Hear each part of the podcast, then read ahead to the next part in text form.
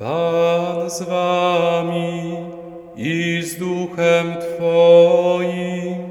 Słowa Ewangelii według świętego Łukasza. Chwała Tobie, Panie. W owym czasie pasterze pośpiesznie udali się do Betlejem znaleźli Maryję Józefa oraz leżące w żłobie niemowlę. Gdy je ujrzeli, opowiedzieli, co im zostało objawione o tym dziecięciu.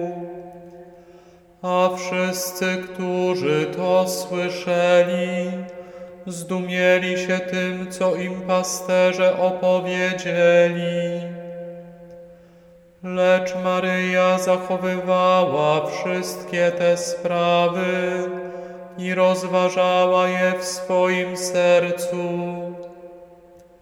A pasterze wrócili, wielbiąc i wysławiając Boga za wszystko, co słyszeli i widzieli, jak im to zostało przedtem powiedziane.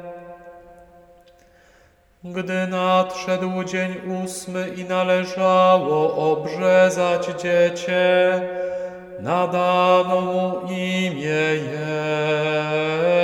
Jezus, którym je nazwał anioł, zanim się poczęło w łonie matki.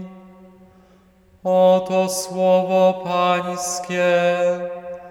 Chwała Tobie, Chryste.